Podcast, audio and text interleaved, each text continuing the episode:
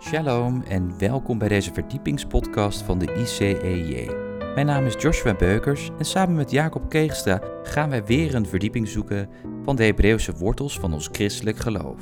In aflevering 220 gaan wij verder met het Israël Weekend, deel 5, het huis van de Vader, de tabernakel. Wij wensen u veel luisterplezier. Een hele goede middag. En Willem, dank je voor de woorden die je al gesproken hebt. Aan mij is gevraagd om iets eh, te vertellen over de tabernakel. En ik moet je heel eerlijk zeggen, daar is zo ontzettend veel over te zeggen. Dat ik eigenlijk, eerlijk gezegd, niet in staat ben om dat in drie kwartier, zeg maar, een uur te delen. Ja, dat, ja, dat, dat, dat, ja dat, dat is ook zo. Maar de, de, de tijd die, uh, die staat ons wel eens wat in de weg. Het, het, daarom, ik zal, ik, wat, wat ik ga doen vanmiddag, ik, ik zal er een aantal dingen uitpakken die ik van wezenlijk belang vind om te delen. Ook omdat dat in de lijn van het thema uh, uh, zit waarvoor we gekozen hebben. Ik ben anderhalf jaar terug ben ik gevraagd door een uh, gemeente. Zou, jij, zou jij in een winterseizoen uh, voor ons iets willen vertellen over Israël en dan met name wat uitleg willen geven over de tabernakel? En we hebben zeven avonden gehad. Om de maand. En zoveel diepgang zit er in Gods woord. Het is, dat is ongelooflijk. En ik probeer, en ik heb ook geprobeerd, mij een voorstelling te maken van hoe het volk Israël vanuit Egypte, vanuit de slavernij, bevrijd werd, uitgeleid werd, in de woestijn kwam. En dat God op een gegeven moment als de eeuwige tegen Mosje zegt van, je moet mij een woning bouwen. Nou, waar ik ook heel blij, dat, dat, hij heeft het leven, mijn vriend heeft het leven aangehaald, waar ik ook heel blij mee ben, is dat Joël Jurg, zoon van, dat die hier gekomen is met, met de tabernakel in, in, nou noem het maar, in, in kleinere uh, vorm. En hij heeft daar ook bij de opvolger van de tabernakel, de tempel, eigenlijk gebouwd van Lego. Ik weet dat hier ook Lego-fanaten in ons midden zitten. En sommigen die hebben al tegen mij gezegd van... als ik dit zie, dan lik ik mijn vingers daarbij af. Zo mooi, zo bijzonder.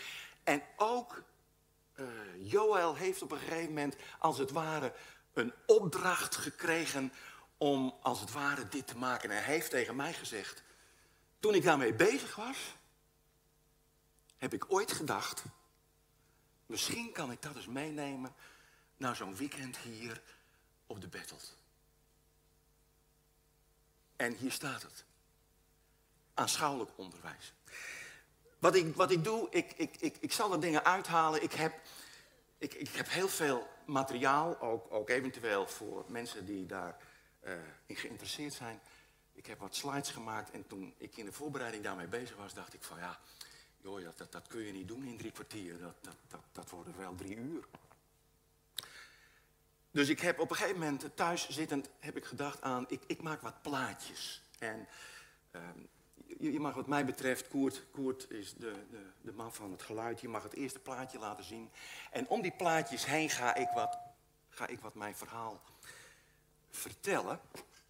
En ik probeer, en ik heb geprobeerd mij ook een beetje te verplaatsen in de situatie van het volk, die onder leiding van Mozes, Aaron en Mirjam. Die drie uitgeleid werd, opdracht kreeg om die tabernakel te bouwen. Toen dacht ik van, oh, wauw, dat, dat, dat is me toch wat. Dat ze opdracht kregen om een tabernakel te bouwen met materiaal wat ze hadden meegenomen vanuit Egypte. En toen dacht ik van, oh, nou, nou, nou wil ik eigenlijk dat plaatje van toen, duizend jaar terug, duizenden jaren terug, wil ik eens even meenemen in mijn beeldvorming naar vandaag de dag. En toen moest ik denken, aan opwekking. Opwekking die in in principe rondom uh, Shavuot, Pinksteren, in staat is om in, nou denk ik twee weken daaromtrent, een heel tentenkamp op te bouwen. En zo bijzonder. En, en toen ik daarover nadacht en hiermee bezig was, dacht ik van, ah, wauw, hoe bijzonder is dat? Dat in een week, dat er zo'n kampement wordt opgebouwd waar we met veel plezier naartoe kunnen gaan. Nou, dat, dat, dat heb ik geprobeerd mij een beetje voor te stellen. En ik wil eigenlijk heel kort het woord van God openen. Ik ga niet al de teksten die daarbij genoemd worden, ga ik benoemen, want het zou veel te lang duren. Maar als je studie wilt maken van de tabernakel, dan raad ik je aan om te lezen vanaf uh, Exodus hoofdstuk 25 tot en met 40. Daar staat alles in wat dat betreft. En je kunt dat ook gaan vertalen naar het Nieuwe Testament, het Tweede Testament. En de Hebreeënbrief schrijft daar ook heel veel over. En ik, ik, ik, ik lees als, als intro lees ik een stukje uit Exodus hoofdstuk 25. En daar staat vanaf vers 1 het volgende. Ik lees het vanuit de NBG. De Heere sprak tot Mozes, zeg tot de Israëlieten dat zij voor mij een heffing inzamelen van iedere man wiens hart hem dringt, zult gij voor mij een heffing inzamelen. Dit nu is de heffing die gij van hen inzamelen zult. En dan komen er een aantal voorwerpen waarvan ze de ark en ook de tabernakel en al de ingrediënten moeten maken. En dan staat daar goud, zilver, koper, blauwpurper, roodpurper, scharlaken, fijn linnen, geitenhaar, roodgeverde lamsvellen, taggersvellen en acaciahout, olie voor het licht, specerijen voor de zalfolie en voor het welriekend reukwerk, chrysofaatstenen en vulstenen voor de efot en voor het borstschild. En dan komt eigenlijk vers 8 van hoofdstuk 25. En zij zullen mij een heiligdom maken. En ik zal in hun midden wonen. Gij zult het maken overeenkomstig alles wat ik u toon. Het model van de tabernakel en het model van al het gerei. Dat zegt de eeuwige. Dat zegt de Vader. Eigenlijk heb ik deze studie opgebouwd in een drieluik. Ik ga eerst wat, wat, wat een algemene impressie geven over de tabernakel, het verloop, waar heeft hij gestaan, waar is hij geëindigd, enzovoort, enzovoort. En dan zoom ik in op, op drie elementen, op drie facetten van dit hele gebeuren. Wat je hier voor je ziet en wat je ook op het plaatje eigenlijk prachtig ziet. Dat gaat met name om de voorhof, het heilige en het heilige der heiligen. En dat alles heeft te maken met Yeshua, met de Heilige Geest en met de Hemelse Vader. En daar wil ik samen met jullie naartoe. Door het offer van Yeshua. En de Heilige Geest is uitgestort. Thuiskomen bij de Eeuwige. Bij de Vader.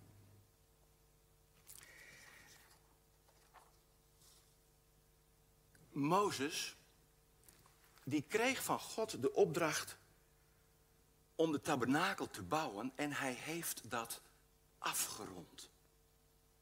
Heel belangrijk. Hij kreeg een opdracht en hij heeft die opdracht afgerond. En de tabernakel die was eigenlijk voor Israël een, een, een, een middel om naar God, de eeuwige waarachtige, te wijzen. En de bouw ging, ging in opdracht van, van God als, als architect. Daar is de tekening door God gemaakt en uitgelegd aan bouwbedrijf Mozes en Aaron. Dat waren de uitvoerders. En zij zochten mannen en vrouwen die hielpen bij de bouw. Ja, ik zie al dat er iemand kijkt naar een, een, een bouwondernemer, Ariel Lond. Jij herkent dat natuurlijk ongetwijfeld. Nou, zo waren Mozes en Aaron waren de bouwvakkers, de, de, de, de, de mannen gods die, die van, van, van, van datgene wat de architect heeft getekend, dat, dat haarfijn hebben gemaakt. En als je hiermee bezig bent, dan, nou, dan kom je onder diep, diep ontzag hoe de heilige dit bedacht heeft. Ik vind het ongelooflijk zo mooi. Nou, de, de tabernakel die maakte een hele reis. En God ging vooruit. In een wolkolom. En ook in een vuurkolom. Nou, ik zal al de plaatsen niet noemen waar hij gestaan heeft, maar hij, hij komt op een gegeven moment in het beloofde land en dan, ehm, dan komt hij in de tijd van Samuel, komt de tabernakel in Silo te staan. En in, in, die, in die periode dwaalt, het volk ook af. En ze zijn in oorlog met de Filistijnen. En die ark van het verbond, wat, wat je hier ook zo, zo prachtig in Lego ziet, die, die, die wordt buitgemaakt. Die ark die wordt buitgemaakt. En dan wordt hij in de tijd van David, heel bijzonder, wordt die ark wordt weer naar Jeruzalem gebracht. Heel bijzonder. Als je die geschiedenis leest, dan, dan ontdek je ook, ook dingen waar je denkt, oh wauw. David als koning haalt de ark weer naar Jeruzalem. En ook David bouwt voor die ark een tent. Dat is niet, dat is niet de tabernakel. Maar David bouwde ook een tent. En dan, na die tijd van David, dan krijg je op een gegeven moment dat zijn zoon Salomo een tempel bouwt. Naar het model van de tabernakel. Nou, het, het, het eerste verlangen wat, wat, wat, wat God als vader heeft, is, is dat hij een heiligdom wil bouwen. Dat, dat, dat was en is zijn verlangen, een heiligdom. En het tweede verlangen wat God heeft, is dat hij ons wil ontmoeten, ook vanmiddag. En dat hij met ons wil spreken als een vader. Hij wil als het ware een vaste woon- en verblijfplaats. Net zoals dat was in de tijd toen hij te midden van het volk Israël woonde. Nou, het materiaal hebben we gelezen, dat, dat, dat staat in, in Exodus 25. Dat namen ze mee vanuit Egypte. En ze waren rijk aan goud, zilver, koper en ik weet niet allemaal wat. En op een gegeven moment zie je ook dat, dat als, als, als men met die bouw wil beginnen, een hele, hele, hele mooie geschiedenis is dat, dan, dan, dan vraagt Mozes aan het volk om een heffing. Het moet gecollecteerd. Want er moet gebouwd, en, en, en er moet goud en er moet zilver komen, er moet, moet koper komen, het hout moet bewerkt. Hoe ze dat gedaan heeft, ik weet het niet, want ze hadden geen elektriciteit, geen bankschroeven en weet ik wat allemaal. En dat alleen al is zo verwonderlijk. Van, hoe is het mogelijk? Maar Mozes die geeft bevel om een offer. En het volk brengt zoveel, als gift, als gave, dat op een gegeven moment de mannen tegen Mozes zeggen van, we hebben genoeg. Stop maar met het geven van gaven. Nou, toen dacht ik van, in vele gemeentes hebben ze soms moeite om de boekhoudkundige zaken uh, uh, goed te houden. Maar hier werd een vrijwillige gift als een toewijding aan de eeuwige waarachtige God gegeven. God heeft de bouw van die tabernakel met de voorhof, heeft hij als het ware uitbesteed aan het volk. Hij vertrouwt dat als uitvoering de mensen toe.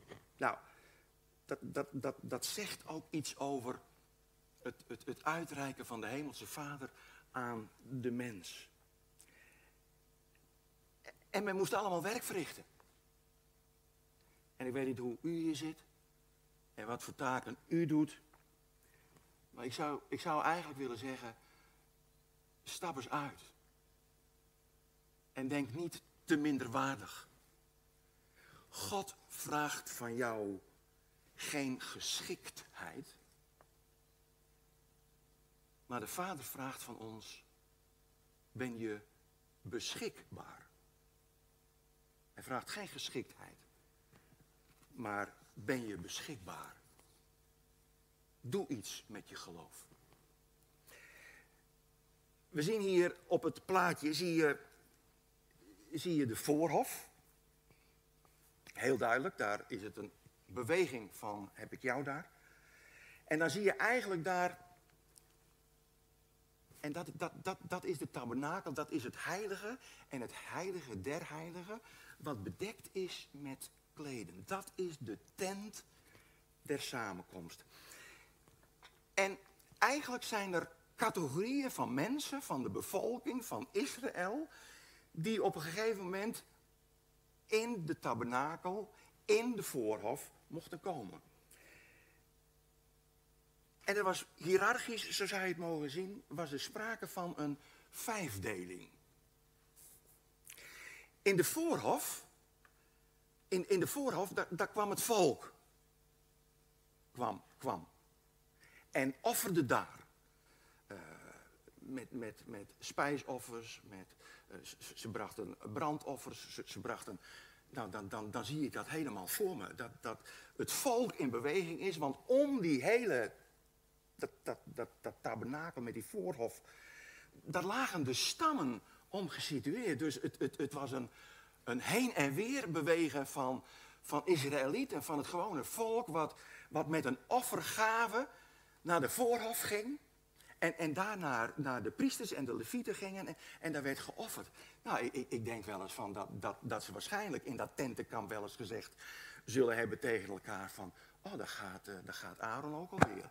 Of uh, daar gaat Jozef, oh, die, die, gaat er ook alweer heen met een, met een offer. Zou er wat zijn?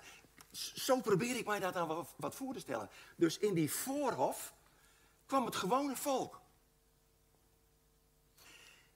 En dan heb je in principe in dat tweede gebied, het heilige, daar kwamen de Levieten. De Levieten behorend tot de stam Levi. En zij waren degene die, die als bewakers over uh, de tabernakel ook zorgden, met name voor het vervoer en de muziek. En zij gaven onder andere ook onderwijs in die voorhof aan het volk. Nou, dan heb je groep drie. Dat, dat zijn de priesters. En, en, en die behoorden ook tot de stam van Levi. Maar dat waren zonen uit het geslacht van Aaron. En zij waren bezig met de offerdienst van verzoening en voorbeden en aanbidding en zij kwamen tot in het heilige. Voorhof heilige. Nou, en dan heb je als vierde, heb je de hoge priester. En de hoge priester was als de eersteling, was Aaron. Hij was het hoofd van de gehele priesterdienst, zou je kunnen zeggen. En hij mocht één keer per jaar mocht hij naar het heilige der heiligen. En dat was tijdens grote verzoendag. Yom Kippur. dan ging de hoge priester vanuit de voorhof naar het heilige en het heilige der heiligen binnen. Dat was de vierde. En er is nog een categorie. En die laatste, die vijfde, dat is Mosje. Mozes, die mocht bewijzen verspreken. Dag in dag uit mocht hij naar het heilige der heiligen. Want daar sprak de eeuwige, als het ware, van aangezicht tot aangezicht met Mosje over alles wat hij voor het volk heeft uitgezet. Mozes was van een andere ordening. Hij was van de ordening van Melchizedek. Hij was koning, hij was priester en profeet. En, en dat hij naar het heilige der heiligen mocht, kun je lezen in nummer 7, vers 89. Nou, het volgende plaatje. Ik zal nu en dan eens even op mijn klokje kijken. Het volgende plaatje is, is de omheiding. Heel belangrijk. En, en eigenlijk toen, toen ik dat zag en daarmee bezig was en die omheining ook ontdekte, dacht ik van, oh, bij opwekking was, is dat ook zo. Daar, daar is om dat hele tentenkamp is er een omheining geplaatst. En ik, ik weet niet hoe het nu is, maar ik heb ook een aantal jaren eh, daarin wel geparticipeerd. En toen in die periode schermden ze dat af, ook met wit doek. Met, met, met witte zijden of weet ik wat allemaal. Dat zie je ook bij de omheining waarbinnen de voorhof het heilige en het heilige der heiligen zit. En die, die, die afmetingen, die, die zijn ongeveer 50 meter bij 25 meter. En de hoogte was 2,5. Nou, daar, kon, daar, kon, je niet met, met mijn lengte, kon je dus over de schutting even kijken van hoe of wat en weet ik wat allemaal. Maar dat, dat, waren, dat waren de afmetingen. Nou, daar, daar, daar zie je daar die voorhof en op een gegeven moment werd daar gebouwd. Die voorhof werd gemaakt en je ziet ook dat, dat daar de ingang uh, gekleurd was met de kleuren die genoemd zijn ook in Genesis sorry, in, in Exodus hoofdstuk 25. En God heeft ook duidelijk gemaakt waar de ingang moest zijn. En de ingang is aan de oostzijde. Waarom aan de oostzijde? Omdat in het oosten de zon opkomt. Dus het volk in kampementen daaromheen zagen van, oh, daar waar de zon opkomt en ik wil een offer brengen, dan moet ik die kant op, want daar is de ingang. Toen Adam en Eva zondigden, was het niet het eten van de vrucht in principe, maar ze geloofden de leugen. Ze geloofden de leugen. En ze hielden op om op God te vertrouwen. Nou, dan, dan worden ze uit de hof, uit het paradijs verdreven. En dan wordt, daar staat er ook, dan, dan komt er ten oosten van de hof van Eden, komen gerubs te staan. Heel belangrijk. Die zien we ook terug in de tabernakel, die zie je ook terug in de tempel. God plaatst daar bij dat paradijs aan die oostkant gerubs wachters. Wachters om de boom des levens te bewaken. Yeshua, die zal bij zijn wederkomst, waar we naar uitzien, zal hij door de Gouden Poort. En wat is de Gouden Poort? Aan welke kant? Aan de oostzijde. Yeshua zal aan de oostzijde door de Gouden Poort, zal hij Jeruzalem binnengaan. De toegang tot de Hemelse Vader is vrij. De toegang is vrij. God nodigt je uit. En als je binnengekomen bent, als je door dat gordijn als het ware gekomen bent, dan kom je in de voorhof en dan zie je ook nadat je die kleuren ook hebt gezien, kom je daar, en het volgende uh, voorwerp mag, mag komen, het plaatje. Zien we daar het brandofferaltaar. Nou, Joel heeft het ook prachtig gemaakt in een wat grotere versie en ook in een wat kleinere versie. En straks mag je, mag je als je wilt daarbij langslopen. Blijft ook hier nog het hele weekend staan. Maar die heeft het brandofferaltaar prachtig gemaakt. En het brandofferaltaar, dat was de slachtplaats. En dat brandofferaltaar, dat, dat stond ook op een verhoging. Een, een hoog gelegen plaats. Een offerplaats. Abraham moest zijn zoon Isaac offeren. Op de berg Moria. Ook een hoog verheven plaats. Nou, dit brandofferaltaar wijst ons op Yeshua. Jezus die het offer van verzoening, van vergeving heeft, heeft afgelegd als het ware. Als een lam. Als een lam. Ter slachting gebracht voor jou en voor mij. Spreek als het ware over Jezus en dien gekruisigd. Hij is de weg gegaan. En zodra je de poort bent binnengegaan, ontvang je als het ware, dankzij het offer van Yeshua, ontvang je vier cadeaus. Je ontvangt verlossing uit de macht van de duisternis en vergeving van je zonde. Dat is één. Er is geen veroordeling meer voor hen die in Christus Jezus zijn. Je bent gerechtvaardigd uit het geloof en daardoor mag je leven in vrede met God. En je bent rijk gezegend met geestelijke zegeningen. Het wijst op Yeshua.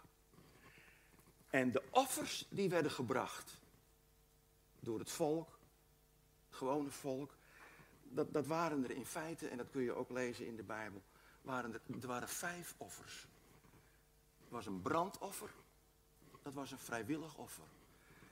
Er was een spijsoffer, als het ware, als overgave van je eigen leven. Was ook vrijwillig. Er was een vredeoffer als een verzoenende relatie met je hemelse vader in Yeshua. Ook vrijwillig. En er waren twee verplicht. Dat waren het zondoffer. En dat spreekt over vergeving van je zonden. En het schuldoffer, wat gaat over boetedoening van toegebrachte schade. Dat is het eerste voorwerp. Het tweede voorwerp wat je tegenkomt, dat is het wasvat. En het wasvat, dat is gemaakt van koper. En dat was gevuld met water uit de rots. En wat ook zo mooi is, dat staat ook in de Bijbel. Ook vrouwen hebben daar hun aandeel in gehad. Want het wasvat is ook beslagen met spiegels van vrouwen. Vrouwen legden als het ware hun eigen waardigheid af en gaven dat aan de priesters om daar het wasvat van te maken. Water kwam uit de rots. En de rots is Christus.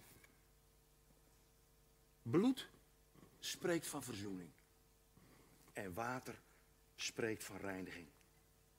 En het wasvat, dat was bestemd voor de priesters en de hoge priester. En vandaag de dag is het voor ons. Als we het hebben over de voorhof. Als we het hebben over het brandofferaltaar. Over het wasvat. Dan spreken we uiteindelijk over Yeshua. Daar daar spreken we als we doortrekken naar de feesten van Pesach.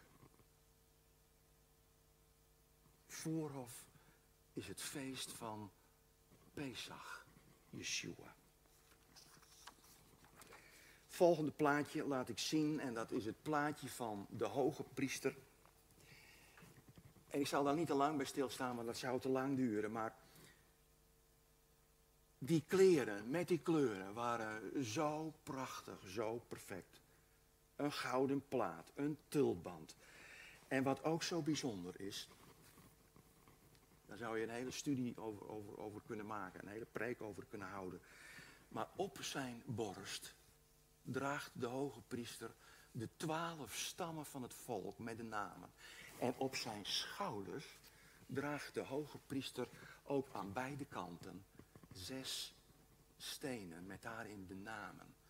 Wat ik zo bijzonder vind in dit, is dat het, ware, het, het, het zo is dat, dat God als de God van Abraham, Isaac en Jacob Israël op zijn schouders draagt en ook op zijn hart. Hoe bijzonder, hoe mooi, hoe mooi is dat. Nou, de kleding, dan krijg je ook weer die kleuren daarin. Je ziet het wit linnen onderkleed, zie je. Je ziet een blauw-purperen bovenkleed. Je ziet belletjes met granaatappels. De efot als het ware als een hesje, een priestergewaad. Je ziet de edelstenen op de schouders. En je ziet ook op het borstschild de twaalf edelstenen met de namen van Israël. Het volgende plaatje mag je laten zien. En dan zie je dat, dat, dat, dat we eigenlijk dankzij het offer van Yeshua, dat we een koninkrijk van priesters zijn. Zoals we hier zitten, als een gemeente, zou ik je mogen aanspreken als een koninkrijk van priesters. Je ziet ook dat de priesters die droegen de ark. Dat had God gezegd. Nou even naar de tijd van David. Die moest op een gegeven moment de ark terughalen naar Jeruzalem. Vanuit, uh, vanuit uh, het land van Filistea. En die ark die komt op een gegeven moment daar vandaan in de richting van Israël op een kar. En die stopt dan. Op een gegeven moment dan stoppen ze bij, ook zo bijzonder, stoppen ze bij een dorpsvloer. Daar kijken ze op een gegeven moment, kijken ze, kijken ze in, in de ark. Ze openen het deksel. En ter plekke sterft iemand. Die, die probeert de, de, de, de, de ark van het verbond tegen te houden bij een dorsvloer waar het kaf van het koren gescheiden wordt, komt uiteindelijk David tot de ontdekking, wauw, ik doe iets niet goed. Terwijl God had gezegd dat de koning van Israël had naast het feit dat, dat, dat de tafelen in de ark van het uh, verbond lagen, moest ook de koning een kopie van die hele wetgeving in zijn bureau hebben. Nou, David die, die, die komt tot bezinning. Hij komt tot de ontdekking van die ark, die mag niet op een kar, maar die moet gedragen. En dan wordt die ark, die wordt op een gegeven moment gedragen door priesters en levieten, wordt die Jeruzalem binnengereden. En, en dan, dan, dan, dan, dan zie je ook lijnen vanuit de tijd van Mozes naar David. David die, die die danst voor de ark van het verbond in een onderkleed, in een linnen lijfrok. Hij heeft zijn hele koninklijke waardigheid heeft hij afgelegd en hij danst voor de ark in een linnen lijfrok. En zijn vrouw die voor het raam staat, die ziet dat en die heeft zoiets van dit, dit, dit kan toch niet, dit kan toch niet waar zijn? Dat, zij, dat, dat, dat mijn man zich vernedert met het volk en in een linnen lijfrok voor de ark uittrekt. De vraag die, die, die je mag stellen is van, op basis waarvan word je een, een priester? Hoe ben je priester geworden? Welke kleding draag je daarbij? En welke taken behoren dan bij het ambt van priesterschap?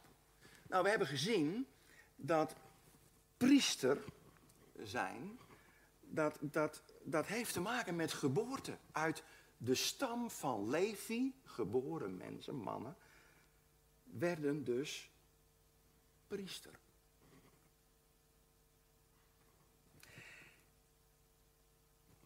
En ons priesterschap, ons priesterschap, is, geboren, is ook begonnen met een geboorte. Met de wedergeboorte. Ons priesterschap is, is, is, is, is eigenlijk begonnen bij de wedergeboorte toen wij Jezus als Messias in ons leven uitnodigden. Nou, de kleding, dat was linnen ondergoed om de schaamte te bedekken. En dat is een beeld van eenvoud en van reinheid.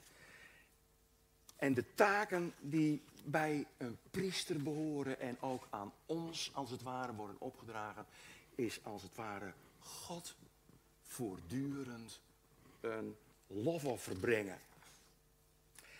Nou, dan gaan we naar een volgend plaatje en dan, dan komen we al bij uh, de tabernakel uiteindelijk, bij de tent der samenkomst. En die is bedekt met vier kleden. Vier kleden, ook met kleuren. En die hebben ook een betekenis. Het eerste kleed is gemaakt van tachusvellen. Uh, dat zijn zeekoeienhuiden, noem het maar zo. En het was het minst mooie, maar daar was je wel onder bestand. Dat, dat was tegen elk weertype was dat tegen bestand. Was dat tegen bestand. Je, je ziet ook dat, dat dit als het ware een beeld is van dat we onder het kleed van Yeshua mogen zitten. Hij heeft jou en mij, als het goed is, bekleed met de klederen van het heil en met de mantel van de gerechtigheid. Het tweede kleed kleurt rood en is ook rood geverfd en dat was van ramsvellen. Het spreekt over het offer van Jezus. Het derde kleed was wit en zwart en was gemaakt van geitenbokhaar. En het spreekt over grote verzoendag. En het vierde kleed, het mooiste, was van binnenuit zichtbaar. En dat was alleen zichtbaar voor de priesters. En die zagen daar ook de gerubsen in. We gaan het heilige, het heilige binnen en daar komen we eigenlijk drie voorwerpen tegen. Dat is in de eerste plaats, dat mag je wel tonen, is dat, is dat de kandelaar. De gouden kandelaar die we daar zien. En wij hebben er thuis ook een, hier staat er ook een. En toen ik dat zag, dacht ik van, oh, dat is bedacht door God de Allerhoogste. Daar komt dat bedenksel vandaan. Dat, dat is door hem aan Mozes uitgezet. Nou, het was ook het enige licht in de tabernakel. God is een God van licht.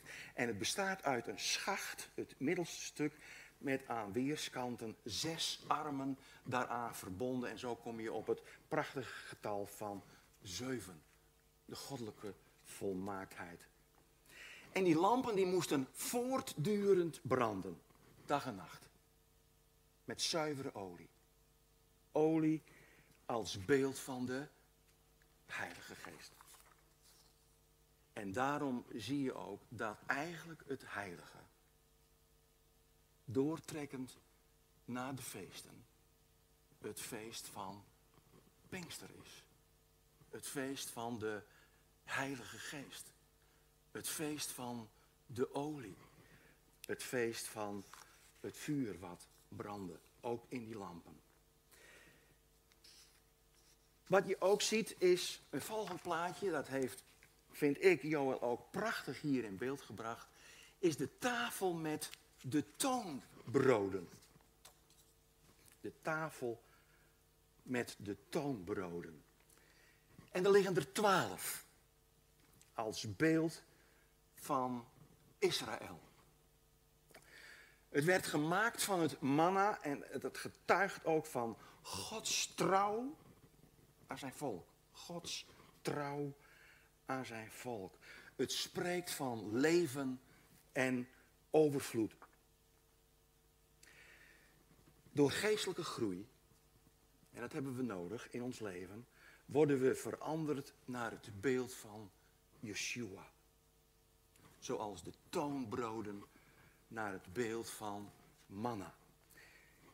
Jezus zegt in Johannes 6, ik ben het brood des levens. Wie tot mij komt, zal nimmer meer hongeren. Dat zegt Yeshua.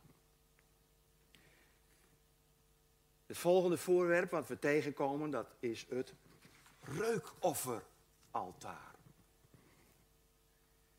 Daar werden geen, geen dieren geofferd. Dat was in de vooroffer. In, in de voorhof, bij het brandofferaltaar. Maar hier werden kruiden van welriekend reukwerk geofferd. En, en dit is als het ware een bediening van aanbidding. Aanbidding. Ik vond het zo mooi, ergens staat in een tekst, laat, laat mijn gebed als reukoffer voor uw aangezicht staan en het opheffen van mijn handen als een avondoffer. Och, wat heb ik, wat heb ik, wat heb ik geworsteld met het feit, toen ik tot, tot bekering kwam, dat ik in een gemeenschap kwam waar, waar de mensen met de handen omhoog gingen. Ja, van, oh, mijn goodness, wat krijgen we nou? En ik, ik, ik was steeds bezig om nou, de handen zo diep mogelijk in mijn zak te houden. Ik denk van, ik doe ze niet omhoog. Ze kunnen me wat. Herken je dat? Maar lieve mensen, het, het, als, als, als een koninklijk priesterschap mogen we als het ware de eeuwige, waarachtige, de Vader, voortdurend uh, lofoffer brengen, de vrucht van onze lippen. En, en ik mag mijn handen opheffen. Mijn handen opheffen als een avondoffer. Bij het brandofferaltaar hebben we te maken met een gekruisigde Yeshua. En bij het reukofferaltaar hebben we te maken met een verheerlijkte Yeshua.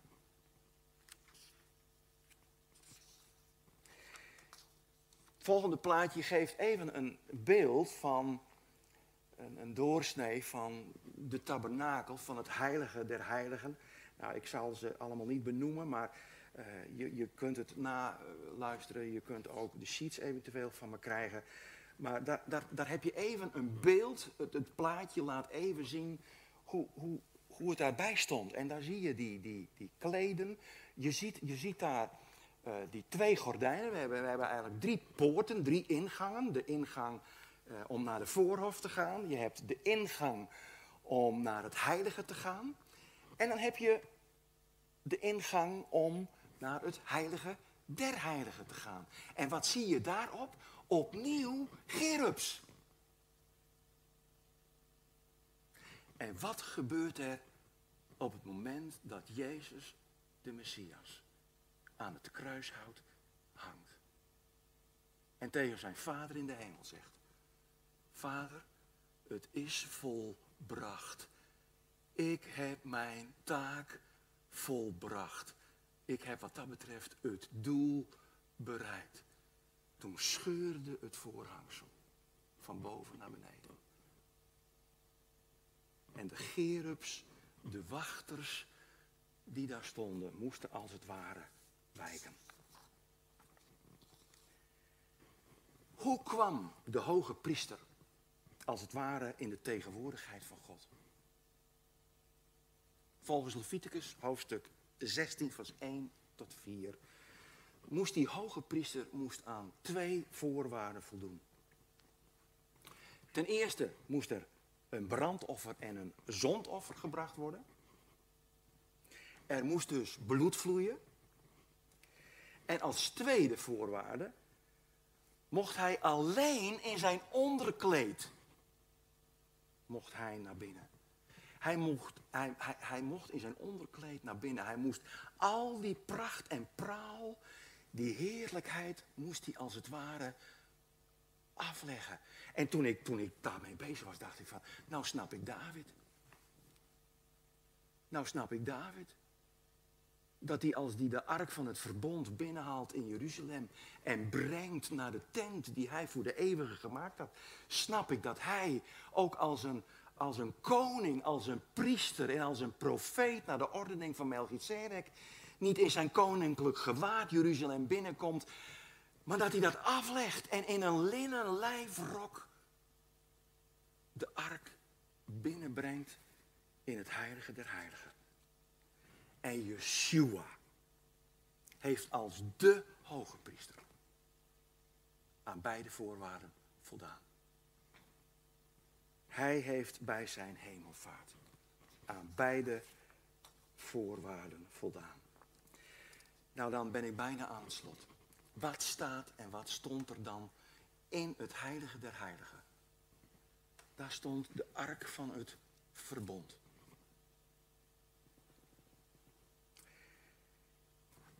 En die ruimte, die was ook opnieuw met goud beklonken. En, en, en, en daar stond achter dat voorhang, als het ware, de ark van het verbond als de genadetroon van God. Dat is de plek van de hemelse Vader. En daarvan zegt Vader, ook vanmiddag. En ook vanavond. Kom thuis. Kom thuis.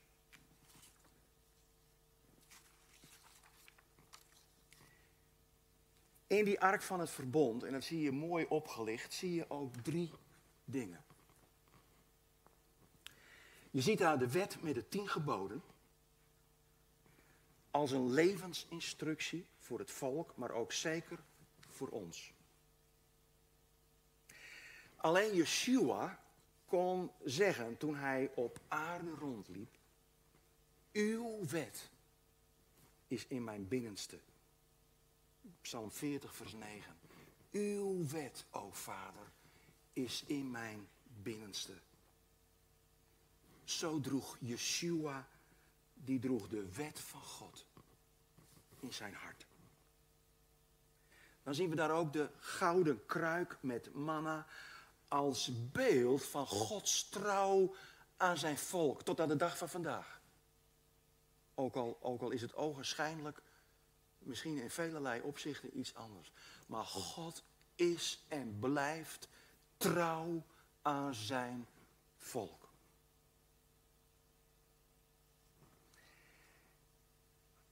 En Jezus zegt in Johannes 6, vers 34, ik ben het brood des levens. Wie tot mij komt, zal nimmer meer hongeren. En wie in mij gelooft, zal ook nimmer meer dorsten. Dat zegt Yeshua.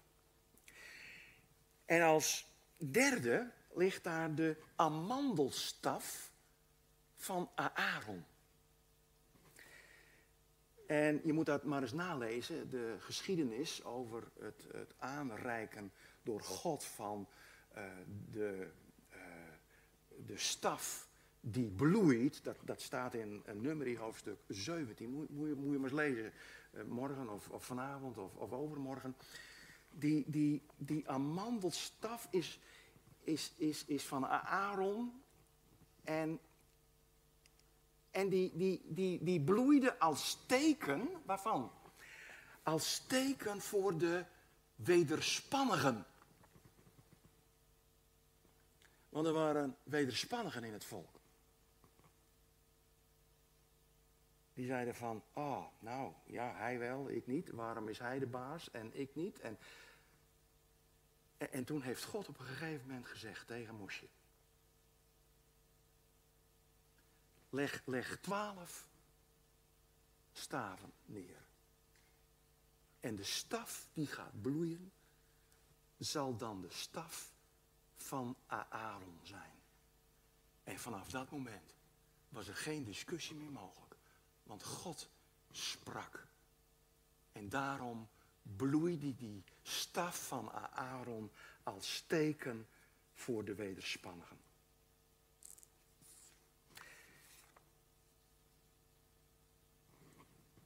Tot slot, zei ik pas ook al. Door het gescheurde voorhangsel. Door het gescheurde voorhangsel. Kom je als het ware in het hemelse licht rondom de troon van de Vader. Daar ben je hartelijk welkom. Daar is, als het goed is, je tehuis. Daar wil de hemelse Vader verloren zondaars ontvangen. Ik wil eindigen met een vraag die ik me uiteraard ook zelf gesteld heb toen ik hiermee bezig was. In welk compartiment van de tabernakel, van de voorhof, het heilige of het heilige der heiligen, vindt mijn geestelijk leven en speelt, speelt mijn geestelijk leven zich af? Mijn vraag aan, aan jou is waar speelt jouw geestelijk leven zich af? Sommigen die blijven hangen in de voorhof. Er zit niks mis mee. Jezus is als lam geslacht, gekruisigd voor de zonde van de mens. Maar heel veel mensen blijven daar hangen, als het ware. Tijdens uh, een van die avonden was er een broeder die naar mij toe kwam en die zei: Ik ga binnenkort naar een voorganger, want die heeft een gemeente en die gemeente heeft als naam de Voorhof. Hij zei tegen mij: Ik ga hem vragen of hij die naam wil veranderen in het huis van de Vader. Want dat is uiteindelijk de weg. Jezus is de weg, de waarheid en het leven. En Jezus zegt ook zelf, niemand komt tot de Vader dan door mij. Ga voorbij aan de voorhof, loop verder naar het heilige, naar het heilige, breng een offer, een reukoffer, een dankoffer aan de eeuwige. Dankzij de kracht van de Heilige Geest. En ga vervolgens, ook omdat het voorhangsel gescheurd is, naar de Vader die wacht en die feest wil vieren met jou en mij. Zullen we bidden? Vader, ik dank u voor dit moment. En ik dank u dat we de tijd en de gelegenheid hadden om hierbij stil te staan. En ik bid zo voor ieder die hier zit, dat hij ja, toch uh, na gaat denken ook waar bevindt mijn geestelijk leven zich? Waar speelt zich dat af? De Hemelse Vader, Hij nodigt je uit en zegt als het ware, nu op dit moment tegen jou welkom thuis bij de Vader. Amen. Amen.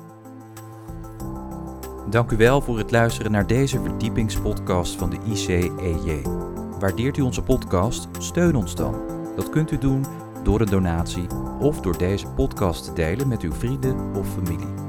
Ga hiervoor naar icej.nl. Dank u wel voor het luisteren en tot volgende week.